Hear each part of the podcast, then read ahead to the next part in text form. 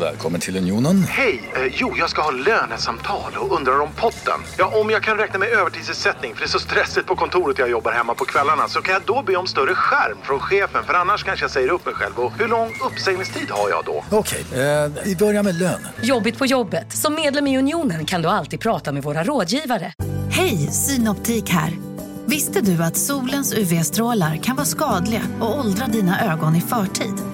Kom in till oss så hjälper vi dig att hitta rätt solglasögon som skyddar dina ögon. Välkommen till Synoptik.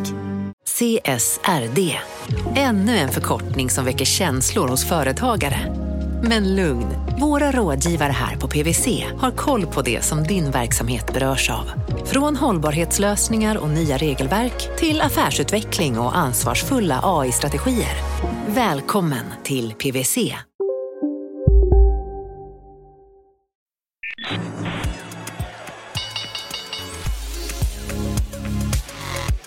Här är Affärsvärlden med Helene Rådstein.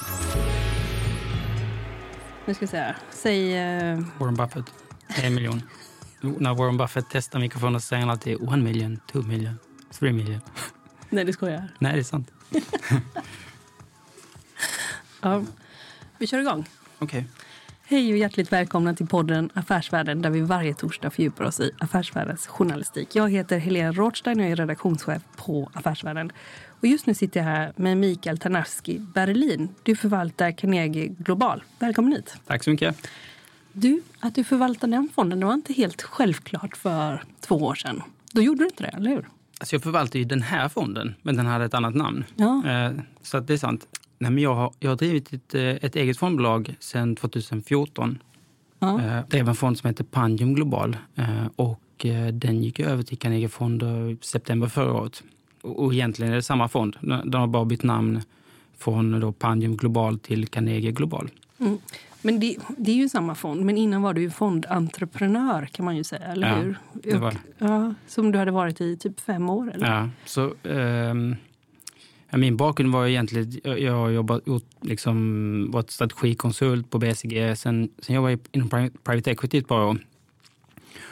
Och eh, tyckte att det var väldigt kul med investeringar. Eh, särskilt analysbiten, men, men kanske inte var lika intresserad av att sitta i styrelser och leta deals. Och, utan jag, jag tyckte alltid att analysdelen var intressantast. Och insåg att om jag vill bara jobba med analys så är det mycket bättre att jobba mot den publika marknaden.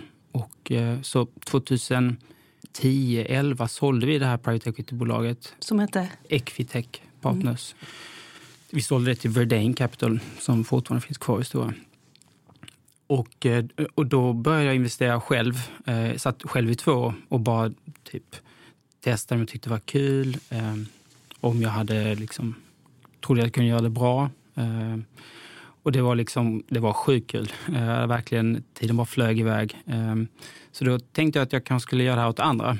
Så 2013 satte jag igång och började liksom snacka med eh, de jag kände om det skulle vara intressant för någon av dem. Och då var det ett gäng som tyckte att det lät jättebra. Så att eh, 2000, precis slutet 2013 började jag då påbörja ansökan till FI för att starta en specialfond. Det tar ju typ minst ett halvår. Så att eh, 2014 startade den fonden. Hur gick den då? Gick det bra? Fonden gick bra, ja. Lite, det var några små skillnader mot i, idag. Jag har en specialfond som har lite andra regler eh, än, än så här vanliga aktiefonder. Så I mitt fall var det att jag var väldigt koncentrerad. Jag hade, jag hade typ 10 till 15 innehav. Eh, I snitt kanske 15-16, något liknande. Men liksom större positioner. Och sen hade jag då marknadshedgar på. Så att jag hedgade alltid bort eh, marknadsrisken. Sen är det mycket jobb med att, att driva fondbolag. Det, det verkar ju nästan, om man ska prata så här ren svenska, sinnessjukt jobbigt att vara fondentreprenör. Ja. Vad, vad kostar det i månaden? 100 000? Eh, minst. Eh, nej, men det är ju så mycket. Alltså, dels själva ansökan, det är ju en miljon bara där. Eh, så, Förlåt. Ja, Men till FI? ja, till FI. Alltså, ansökningsavgiften tror jag är 350 000 kronor nu. Ja, Men förlåt, sen jag skrattar. Det var ju jobbigt förstår jag. Ja. Precis. Man kan börja skratta åt det nu, sex år senare. Eh, sen är det advokatkostnader och det är tid och, eh, och så vidare. Och, eh, sen då när man väl har fonden så är det väldigt mycket som ska finnas där. Man ska ha riskansvarig, compliance, man ska ha internrevision, eh, vanlig revisor. Eh, man måste ha en extra anställd så att, man liksom, det finns, så att, eh, att man inte sitter och gör allt själv. Och sen ska man ju då sköta det administrativa. Jag för mig att jag gjorde en lista på allt som måste göras under ett år som jag hade i Excel bara för att vi inte skulle missa någonting. Och det, det är liksom flera hundratals olika aktiviteter som måste göras. Alltså rapporter till FI och kapitaltäckningsanalyser ska publiceras på hemsidan. Det, det är extremt mycket eh, jobb. Men, men, kan du fatta det? Att det måste vara så här? Ja, men jag, jag, jag tror att det behövs när det gäller en vanlig aktiefond som marknadsför sig till småsparare. Då tror jag det bra att det finns liksom väldigt mycket skydd för dem. Men i mitt fall som ja, det är främst liksom väldigt rika privatpersoner som hade liksom lång erfarenhet av finans och investeringar och så vidare. Där, där tycker jag att det är rätt onödigt. De flesta länder har ju faktiskt en uppdelning där man, om man marknadsför sig till småsparare, då finns det här tunga regelverket. I EU kallas det då USIT. Men om man bara marknadsför sig mot professionella så räcker det med att man bara har ett avtal med den här personen och, och kanske skickar in en, liksom en anmälan till Finansinspektionen säger att jag gör det här. Eh, men that's it. Men skulle man inte då, om, eh, om du skulle jobba för säg, en rik person eh, då, och du hade investerat fel, det kallas väl vad säger, diskretionär, diskretionär förvaltning. Ja, precis. Mm. Och du hade investerat fel. Då hade ju du kunnat också bli skyldig. Den liksom, rika personen hade ju kunnat säga nu är du skyldig mig så här mycket pengar. Ja, men då blir det liksom, jag tror att det blir en vanlig civilrättslig eh, tvist. Mm. Och så får man avgöra då om förvalt, jag som förvaltare har följt det avtal vi har. Mm. Oftast försöker man hålla det så öppet som möjligt eh, och, och liksom inte garantera någon vinst. Eh, utan man säger jag följer jag får bara investera i till exempel amerikanska aktier mm. och så håller man det öppet och så säger man att jag inte får använda belåning något liknande. Så att mm. följer man de reglerna så bör det vara lugnt. Mm. Men du knackar på i alla fall på Carnegie och eh, det gjorde du ju eh, först en gång. Och då så sa de ungefär trevligt att träffas men eh, ha det så bra, eller? Ja, men det är sant. Så.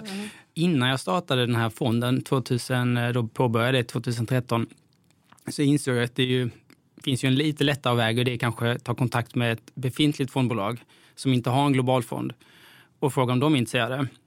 Och då eh, jag kontakt med Hans Hedström som är vd på Carnegie Fonder. Och, är också en gammal förvaltare. Ja, mm. precis och frågade om han ville ses. Och så då pitchade jag den här idén om att de skulle starta en globalfond med mig som förvaltare. Och, och grundtanken var här då att Carnegie Fond var ju det bolag som jag kände hade en strategi som bäst passade mig. Eh, liksom långsiktig, fokuserad värdestrategi. De kör det, jag har kört det. Så att jag kände att det var en perfect match. Det kände inte Hans då, tyvärr. Utan han, eh, han var väldigt trevlig och, och liksom tyckte att det lät spännande men att, att de inte var intresserade av en global fond just då. Så då fick jag ju starta det själv. Men, men lite av en slump så eh, jag och Hans tog kontakt igen för ungefär eh, lite mer ja, våren förra året. Eh, jag hade någon idé som jag tänkte bara bolla med honom. Och, eh, då hade jag liksom lite track, jag hade fått betyg av Morningstar. Som samlar alla fonder kan Precis, man säga. man sätter ja. betyg på mm. fonder och så mm. vidare. Och, och då ehm, Eh, visade att de hade tänkt om lite. Det visade att de hade börjat fundera på en globalfond och, och vi klickade och kom jättebra överens och kände väl att strategin matchade perfekt. Och, och eh, så att eh, då gick fonden Då kom vi överens om att fonden skulle gå över till dem mm. och byta namn och, och då bli en värdepappersfond, så en UCITS-fond. Så vi fick ändra fondbestämmelserna lite grann då, men samma strategi, samma inriktning. Och här finns då compliance finns. Compliance det finns, finns kaffemaskin. kaffemaskin. Eh, det finns risk. Det finns en säljkår. Eh, det finns ett starkt varumärke, inte minst. Mm. Eh, folk känner till Carnegie Fonder. Det, eh, helt plötsligt fick fonden komma upp på, på alla plattformar som hade tackat nej för att jag var för liten tidigare och så vidare. Så att, extremt skönt att få komma till, till ett bolag Eh, som Carnegie-fonden. Och eh, för dig också personligen så kan du då ägna mer tid åt att analysera innehav. Är det så? Eller? Ja, absolut. Jag var ju vd, eh, men jag var ju även säljare. Jag var ju liksom webbansvarig. Jag var till viss del IT, jag var ju IT-ansvarig. Jag var ju liksom allt och då förvaltare. Så att extremt mycket tid som har frigjorts, vilket är extremt skönt. För jag, min ambition har aldrig varit entreprenör, att vara entreprenör eller eh, vd på ett fondbolag, utan jag vill ju bara sitta med de här investeringarna. Det andra var ju bara ett nödvändigt ont. Mm. Så att eh, för mig det har varit en, eh, en eh, liksom, eh, jättetrevlig övergång. Avråder du nästan folk från att starta? Eh, Faktum är att det var rätt många som tog kontakt med mig eh, då när jag hade det här eh, fondbolaget eh, och liksom ville fråga hur det var att starta fond. Och jag, jag tog de där mötena. Jag tror inte jag avrådde någon, men jag förklarade hur, hur tufft det var. Och, och det var ju, jag vet inte hur bra jag förklarade, men, men det var ingen som valde att starta ett fondbolag efter det. Så att eh, det är verkligen jobbigt. Ehm, och det ska det nog vara. Eh, för vanliga eh, värdepappersfonder tycker jag det ska inte vara för lätt. Och, och, eh, och det ska sortera bort de som inte ska hålla på med det. Men kanske då just om man kanske har en viss typ av kund att det kanske lite mindre krav skulle ställas. Marknaden sponsras av SPP, pensionsbolaget. Eh, förra gången pratade vi lite om ITP. Och som en kort repetition så, så var det ju 70-tal. Arbetsmarknadens parter bestämde att alla tjänstemän ska ha en tjänstepension. Man kom överens om vilka villkor som ska gälla i den här pensionen och så kallade man den för ITP. Så jobbar man idag som tjänsteman i ett företag med kollektivavtal, då har man förmodligen den här pensionen, ITP-pensionen. Eh, och det är ju så att man kan påverka eh, den här pensionen, hur den är placerad. Vart femte år så gör nämligen Collectum, som de heter, en enorm upphandling där olika pensionsbolag kan ansöka om att få förvalta eh, de här pensionerna. Och SPP är ett av bolagen som valdes ut i den senaste upphandlingen. Och sen kan eh, du som pensionssparare välja eh, vilket av de här olika pensionsbolagen som, som då ska få ta hand om dina pengar. Och tanken med den här upphandlingen det är ju att liksom kvalitetssäkra de här olika alternativen eh, men också att förhandla fram stora rabatter så att pensionsspararna ska få ja, kunna spara pengar genom att avgifterna eh, som är så viktiga eh, blir eh, lägre. Och vill man välja någonting i ITP-systemet då finns det en relativt ny sajt som heter avtalat.se. Ehm, där kan man gå in och se hur sin ITP-pension är placerad. Jag gjorde det häromdagen faktiskt. Ehm, idén är att hälften av pengarna alltid ligger i något som kallas för traditionell försäkring. Det här gjorde vi ett avsnitt om i podden Kapitalet nyligen eh, som vi kallade världens bästa sparform. kan man lyssna på om man är intresserad. Eh, den andra halvan eh, den kan man också lägga i en traditionell försäkring eller så kan man placera det i något som kallas för fondförsäkring. Eh, SPP som sagt eh, var ju ett av de fåtal bolagen som valdes ut i den senaste upphandlingen och de finns med som alternativ både med en traditionell försäkring och med eh, fonder. Så det var en liten bakgrund till ITP-systemet. Vill man läsa mer om det här eller typ kolla hur ITP-pensionen är placerad, eh, kanske göra förändringar, då går man in på avtalat.se. Eh, men tack säger jag till SPP som vill göra oss människor mer medvetna om hur enormt viktig pensionen är för oss som en framtida lön, men också som en positiv kraft i samhället eh, och förstås för att ni möjliggör eh, den här podden Marknaden. Du lyssnar på Affärsvärlden Magasin med Helene Rådstein. Om vi då ser till några innehav du har, KKR eller KKR, men Mm. vad säger du? Jag säger KKR, ja. Mm. Ja, KKR. Är de världens andra, tredje största private equity? Vad är de? Topp fem säkert. Ja. Eh, De är ju en av de absolut äldsta. Så att det är väl ett av de starkaste varumärken inom branschen. Så att, eh, det startades av, av tre killar eh, som de här initialerna står för. Colberg, Kravis och eh, Roberts. Det jag gillar med, med KKR är att de har funnits så länge. De har visat att de är duktiga på det här. De har liksom ett extremt starkt varumärke i, i branschen. Och eh, det är lite som IBM var förr i tiden. Eh, du vet, om man köper in IT-tjänster och väljer IBM och det går åt pipan, då är det ingen som kommer klandra den här IT-inköparen för att det blev fel. Och KKR är lite samma sak. Ja, men, ja, men så känns det väl också. Ja, men som att ta där, där du jobbar nu eller sådär. Eller finansiella rådgivare Mm. eller juridiska rådgivare. Många Mm. lever ju på sitt varumärke Ja. alltså från inköpssidan. Eller hur? ja men så är det. Eh, och, och, eh, det underlättar ju då när de, de har liksom en stark position. Och det, de har lättare att få ihop pengar till sina nya fonder. Eh, lite lättare att starta kanske nya fonder inom nya tillgångslag för att folk litar på dem.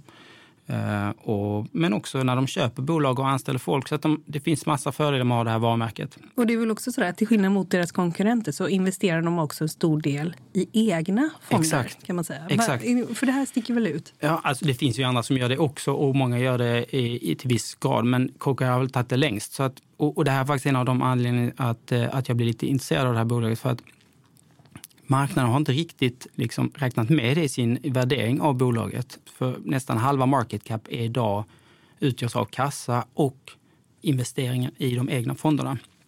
Så justerar man för det så ser man att bolaget handlas till ett p-tal på typ 6-7, eh, vilket är extremt billigt för den här typen av kvalitet, ledning och liksom också tillväxtpotential. Det här är tillgångslag som växer eh, kraftigt. För man kan väl också säga så här att generellt sett så handlas eh, PO-bolag till vad ska man säga, 15-20 procent av förvaltat kapital. Exakt. Och med, medan, medan KKR de handlas till typ 5 procent Ja. av Ja, förvaltat men den här kapital. justeringen så blir det liksom, de är liksom tre, fyra gånger billigare än vad det normalt sett är. Då menar du så här, det är väldigt billigt, marknaden har inte fattat riktigt. Mm. Vad, liksom, marknaden är ändå stor. Mm. Vad, vad ska du säga man inte har fattat? Men marknaden har nog fattat, men jag tror inte att marknaden är beredd att liksom betala extra för de här investeringarna.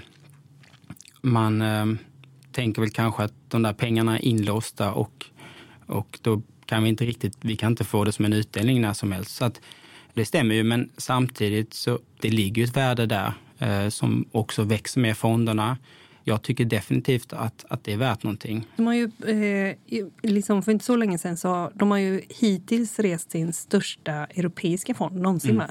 Eh, De har fått in 5,8 miljarder euro, motsvarande 62 miljarder kronor. Mm. Kan man säga något om det där? Nej, men KKR finns ju faktiskt överallt. De, de har ju stora fonder i Asien också. De har, de har inte bara så klassisk eh, leverage buyouts utan de har ju fastigheter, de har hedgefonder. Så att de breddar sig hela tiden och, och det är också en anledning till att jag gillar dem. De, de, är, de har visat att de klarar av att göra många olika saker vilket liksom minskar risken eh, för om någonting händer i framtiden. Att man står på flera ben. Så att eh, bara positivt. Från en jätte till en annan. Alphabet. Alphabet. Det är min största investering, eller Mm. fondens största Mm. investering. Hur länge? När, när gick det? Det är Googles moderbolag. Precis. Det finns ju en liten historia där. Eh, jag har en kompis som skulle starta en e-handel och eh, han hade liksom en idé om man skulle sälja en sak på internet och hur mycket billigare det skulle vara att kunna göra det på internet. Eh, Och hur mycket mer man skulle kunna tjäna, även om man sänkte priserna lite. Eh, Och det roliga var att han började här och, och eh, vi snackade väldigt mycket under den här perioden. Och sen eh, vad han beklagade sig över i början var ju hur dyrt Google började bli. För att när man tänker efter, han, måste, han hade inget kontor eller någon affär så han var tvungen, fortfarande tvungen att hitta nya kunder. Och när han började fanns det typ, det fanns Google, kanske Facebook, eh, Bing var inte så stort då, det är fortfarande inte så stort. Men, så han köpte annonsord på den här sajten. Eh, och, eh, och i början var det inte så dyrt. Men vad han upptäckte var att sen kom det konkurrenter som gjorde exakt samma sak som han. Och då började man ju tävla om de här annonsorden som blev dyrare och dyrare. Och han började tänka så här, hur mycket kan jag betala för dem? Jo, till slut, han måste ju få de här kunderna.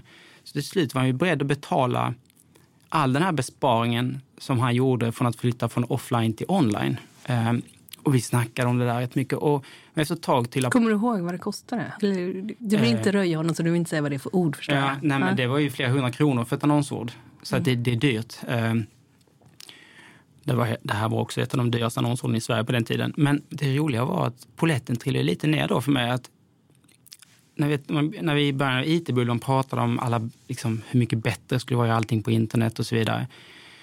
Tänker man efter så inser man att all den här besparingen som vi tror vi kommer göra i branscher utan konkurrensfördelar, utan starka varumärken och sådär, där man måste hitta kunden på, på något nytt sätt. All den besparingen vi trodde att vi skulle göra, den kommer liksom Google och de här nya skyltfönstren, Amazon, Facebook, det är de som kommer ta den vinsten. Det är liksom inte bolagen som säljer tjänsterna eller produkterna. Eh, kunden kommer ju få lite, men den stora delen av kakan kommer ju Google och, och de ta. Och då inser man också att sättet som eh, marknaden analyserar Google på det är att de har på något sätt tittat på annonsmarknaden som är typ 600 miljarder dollar. Google har redan rätt så stor bit av den kakan och så tänker man ja, men snart måste ju tillväxten sluta där. Men då är min hypotes att marknaden har lite räknat fel på hur stor marknaden egentligen är. För annonsmarknaden är inte bara de här 600 miljonerna. Det kommer bli mycket, mycket större allt eftersom kostnader från offline-världen flyttar till online-världen. Så det som tidigare lades på kontor eller affärer kommer, Hyran hyran, Mm. hyran kommer läggas på på AdWords. Um, så det är min ena hypotes. Sen är Google så mycket mer än sök. Det finns beståndsben av Google som är extremt värdefulla. Eh, några exempel är Youtube, fortfarande undermonetiserat. Eh, jag tror att de tjänar, eller de, de säljer annonser för ungefär 10 dollar per användarkvartal. Facebook, som har liksom ett mycket sämre medium för annonser, eh, tar in 35 dollar per användare idag. Så Google borde ha högre, men de har inte riktigt eh, liksom, börjat där eh, än. Um, sen har vi cloud. Uh, Google nummer tre efter Amazon och Microsoft. Och det roliga, tittar man på Amazon... Ja, men de är ju nummer tre. Ja. Eh, och de andra har ju hållit på ganska länge med ja. cloudverksamhet. Alltså ja. kommit ganska långt. De ligger, där måste man väl säga att de ligger efter, eller? De, eh, de ligger efter i storlek och sådär, det gör mm. de. Eh, de växer ju snabbast nu eh, och eh, de har vissa fördelar de är ledande inom AI och så vidare. Men jag tror inte kanske att det är en liksom winner take all, utan alla de som når skala här, ehm, som där ska, och skala, man måste ungefär nå 5-6 miljarder dollar omsättning för att vara liksom break-even och sen går det rätt snabbt upp i lönsamhet. Eh, och Google når faktiskt den punkten ehm, nu i år. Det är ju val i USA nästa år. Ja. Eller mindre än om ett år är det ju faktiskt. Ja. Ja. Och där har man ju talat, eh, det finns Elizabeth eh, Warren heter hon va? Mm. Hon har ju talat om att eh, vi ska dela upp liksom techjättarna mm. framöver. De håller på att bli för stora. Och mm. jag vet inte hur det politiska lägret ser mm. ut. Liksom, mm. man hade tänker. Men om det skulle ske liksom uppdelningar, dels som är politiskt mm. eh, drivna uppdelningar mm. eller också finansiellt drivna uppdelningar. Utav mm. de här. Liksom, hur, hur, skulle du se på det i Alphabets fall? Men av de där stora jättarna så skulle jag säga att eh, Alphabet är det bolag som har minst att förlora på en uppdelning. De har de här olika benen. Jag nämnde inte Android, men, men, eh, men många av de här kan stå fristående. Eh, och eh, det skulle till och med kunna vara positivt att marknaden skulle börja sätta ett värde på de här olika delarna och att de här bolagen kanske måste börja kunna stå på egna ben. Ett bra exempel då är Android eh, som är världens största mobiloperatörsystem, operativsystem. Och eh, de har två miljarder installerade units eh, och 1,2 miljarder nya per år. De tar inte betalt för det idag. Eh, de har alla kostnader, men tar inte en krona intäkter på det. där. Och skulle det vara så att Android blir självständigt... För, för det har de väl fått kritik för, att eh, liksom det, det påverkar marknaden att de inte tar betalt ja, för det? Så EU-kommissionen har klagat lite på det där. Och, mm. det, det, är möjligt att de kanske tvingas börja ta betalt för att inte anses missbruka sin dominerande ställning. Mm. Men låt säga att de gör det då. Eh, och säg att de tar 20 dollar per ny mobil. När de gör det så är Android plötsligt ett av världens 20 mest lönsamma bolag. Mm. Eh, så det är liksom, och det, marknaden sätter inget värde på, på, eh, på Android idag. Ehm, så att en uppdelning är faktiskt inte nödvändigtvis eh, negativt för Alphabet. Ehm. Ju, ju längre du, du har haft dem, desto mer övertygad har du blivit? Ja, eller? ja men så är det. Är det så? Ja. men de, gör, de gör rätt grejer hela tiden och saker utvecklas bra. Uh, Android men du kanske håller på att bli frälst? ja, men lite så. Det finns ju fler Silicon Valley-frälsta där ute. Ja, ja, ja. ja men, och eh, vad jag, det, det är mycket jag gillar med, med Alphabet, men, men jag är väldigt imponerad över hur ledningen Alltså om man tittar på vad en ledning ska göra, eh, det viktigaste grejen i ett fall som Alphabet är liksom att skydda sina konkurrensfördelar. Eh, liksom försöka göra vallgraven runt bolaget större och, och djupare. Eh, och det har de gjort extremt bra. De köpte Youtube för en miljard dollar. Alla skrattade åt dem, men så här i efterhand, vilken liksom homerun. Eh, de köpte det här det som blev Android tror jag att de betalade 50 miljoner dollar för. Och det är nu då ett av potentialen att bli ett av världens 20 mest lönsamma bolag. Som har extremt bra på att skydda sin affär. Eh, plus att marknaden värderar de här som ett vanligt bolag på börsen. Eh, tittar på nästa års liksom, vinst och då tittar jag på EV ebitda för att de har så stor kassa så att det blir mer eh, rimligt att göra det. Eh, de värderas på samma nivå som S&P 500 vilket för mig är, liksom, i snittet, för, för, eh, vilket liksom är för mig helt oförståeligt. De växer fyra, fem gånger snabbare, eh, mycket högre avkastning på investerat kapital, starkare konkurrensfördelar, mycket lång runway. Alltså det, det är en no-brainer. Det är, det är därför också min, det, det är fondens största investering. Du lyssnar på Affärsvärlden med Helene Rådstein. Eh, marknaden sponsras av Karla. Eh, vi pratar ju en hel del om bilar här på kontoret. Eh, karla har ju skapat, skulle jag säga, det som är standarden för hur man idag köper och säljer bilar på nätet. Kort bakgrund bara. Karla säljer och leasar begagnade elbilar och laddhybrider på karla.se. Alltså en helt digital upplevelse. Och man har gjort det här med ett nästan maniskt fokus på vad en bilköpare faktiskt behöver. Jag gjorde ju en intervju med en av grundarna, Patrik Illerstig, i marknaden här eh, ganska nyligen, eh, daterad 25 mars, om man vill lyssna på den. Eh, men där berättar han hur de kom in i det här lite från vänster för att försöka uppfinna hela den här liksom bilköpupplevelsen från början. Och de har idag, vilket är rätt otroligt, 4,8 i betyg eh, på Trustpilot. Jag, jag har sett många företagssidor på Trustpilot, men det här är nog bland eh, det bästa jag någonsin sett eh, faktiskt. Man kan sälja bilen till Karla också. Eh, då går man in på karla.se, delar lite info om bilen, sen får man en gratis värdering och ett bud. De hämtar bilen helt gratis i hela Sverige och så har man pengarna på kontot i samma stund som de hämtar bilen. Det är grymt. Eh, så ska du köpa en ny bil eller sälja din gamla, eller båda delar för den delen, gå in på karla.se och eh, kolla. Alltså karla.se och Karla stavas med C. Tack så mycket till Karla. Du är från en amerikansk jätte till en annan. Du, ja. Det är flera amerikanska jättar ja, ja. Om vi snackar försäkringsbolag, det är två saker man ska tänka på. Ja. Vad är det för något? När men, man investerar? Nej, men försäkring, det är lätt att tänka på försäkringsbolag som att det är ett bolag som säljer försäkringar. Eh, och det är det ju. Det är det ena benet. Så det ena benet är att prissätta risk för att någonting ska hända hos någon annan och eh, ta betalt för den. Men det andra benet eh, är ju att man eh, får de här förskottsbetalningarna av premierna och investera dem. Um, intressant nog, i Sverige så är försäkringsbranschen uh, hyfsat koncentrerad. Uh, försäkringsbolagen tjänar rätt så bra på försäkringsbenet uh, och har inte lagt så mycket krut. Det finns historiska aspekter av det. Man har, man har klantat sig tidigare, men man lägger inte jättemycket krut på att uh, tjäna mycket pengar på investeringarna. Men just, alltså varför gör man inte det? Jag tror att det var eh, i början på 90-talet att man, eh, man hade spekulerat lite för mycket kring eh, de här pengarna man hade. Mm. Man hade inte riktigt matchat tillgångarna och skulderna. Mm. Och så när tillgångarna började svaja så fick det konsekvenser. Ja, men det är inte så vanligt att, att man håller på med det här i, i Nej, och det, det behövs inte för man tjänar så bra på försäkringsbenet. Men i USA så är det mycket högre konkurrens liksom tittade på snittet för försäkringsbranschen på, på sakförsäkring så tjänar inte bolagen pengar på försäkringsbenet. Det är liksom en, en eh, förlustbringande eh, verksamhet. Det de tjänar pengar på där är att ta förskottsbetalningarna och investera dem.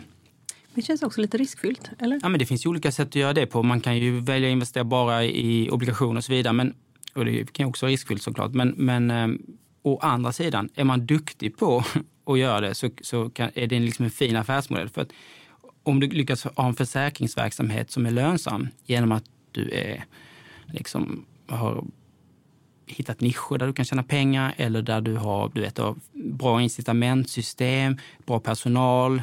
Ehm, kan du hitta och tjäna pengar på försäkring och sen investera dem i sig lite mer eh, högavkastande tillgångar som eh, kan man private equity eller aktier och liknande då är det som att du får låna pengar. Men istället för att betala för lånet så får du liksom betalt, eh, den här vinsten då. Plus att du då får, eh, kan köpa aktier för dem. Och då, där har jag till exempel då två bolag som, som vars i grunden affärsmodell är just det. Och det ena är då Berkshire Hathaway, Warren Buffetts eh, fina bolag. Och det andra är Markel som är ibland kallas för Baby Berkshire. Eh, som egentligen mm. är två killar som såg vad Buffett höll på med och eh, konstaterade att det där är ju rätt smart. Eh, jag kan investeringar, du kan försäkring.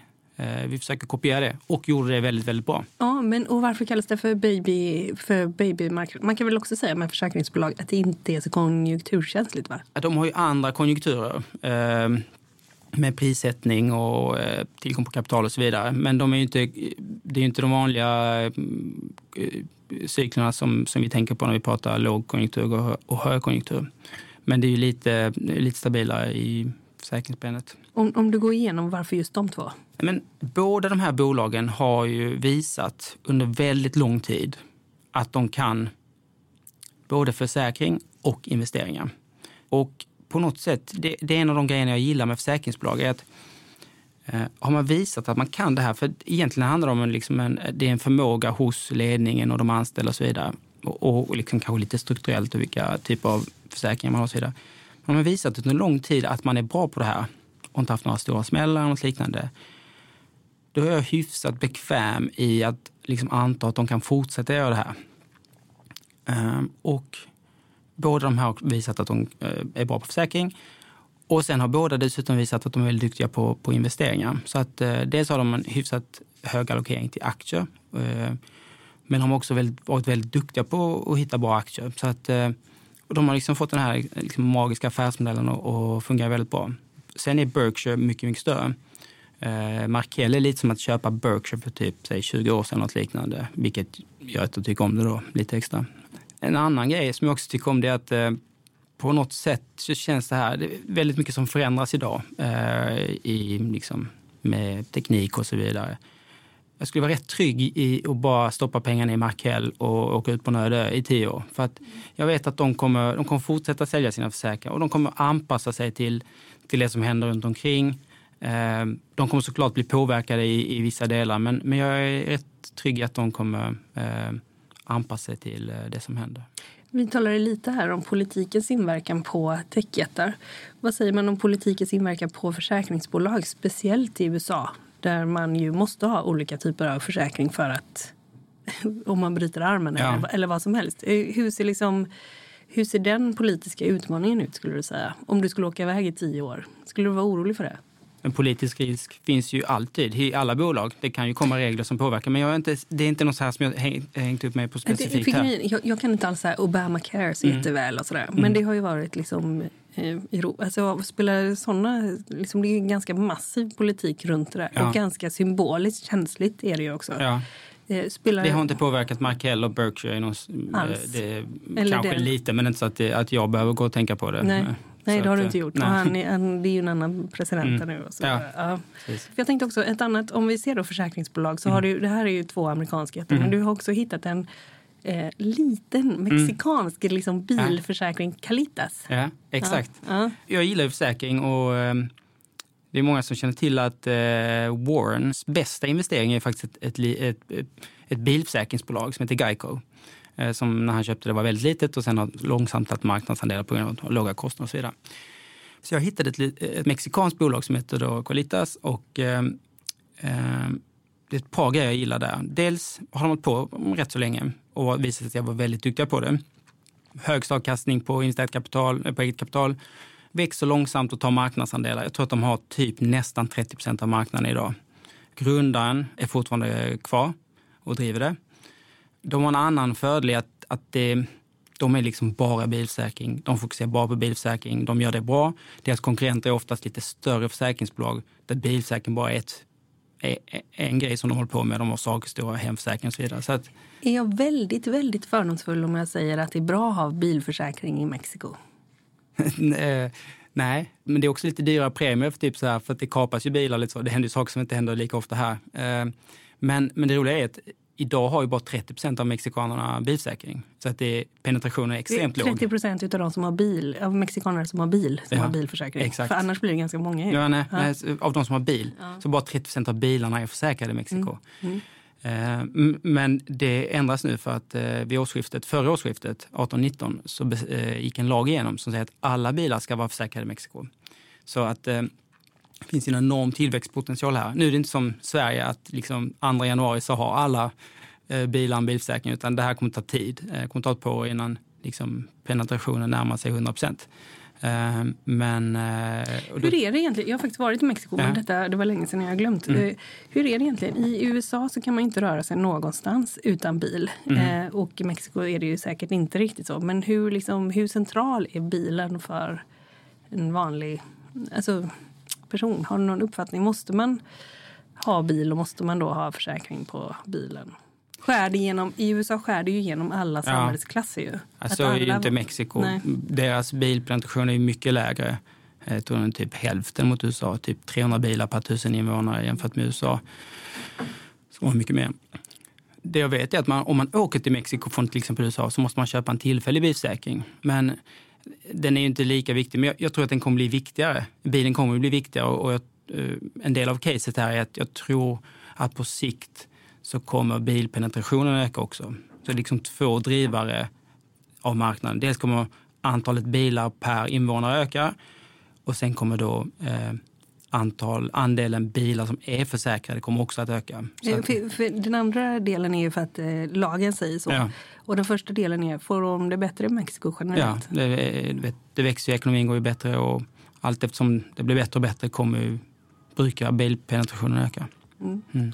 Tack så mycket Mikael Tarnavski Berlin för att du kom till podden Affärsvärlden. Tack så jättemycket för att jag fick komma. Jättetrevligt. Du har lyssnat på en podd från Affärsvärlden. Jag heter Helene Rådstein och är redaktionschef på Affärsvärlden. Mer fördjupande journalistik om näringslivet finns både på nätet och i Sveriges äldsta och faktiskt bästa affärsmagasin. Du hittar oss enklast på affärsvärlden.se och podden den är tillbaka om en vecka. Stay tuned, eller som man säger på svenska kanske, håll ut. Hej då!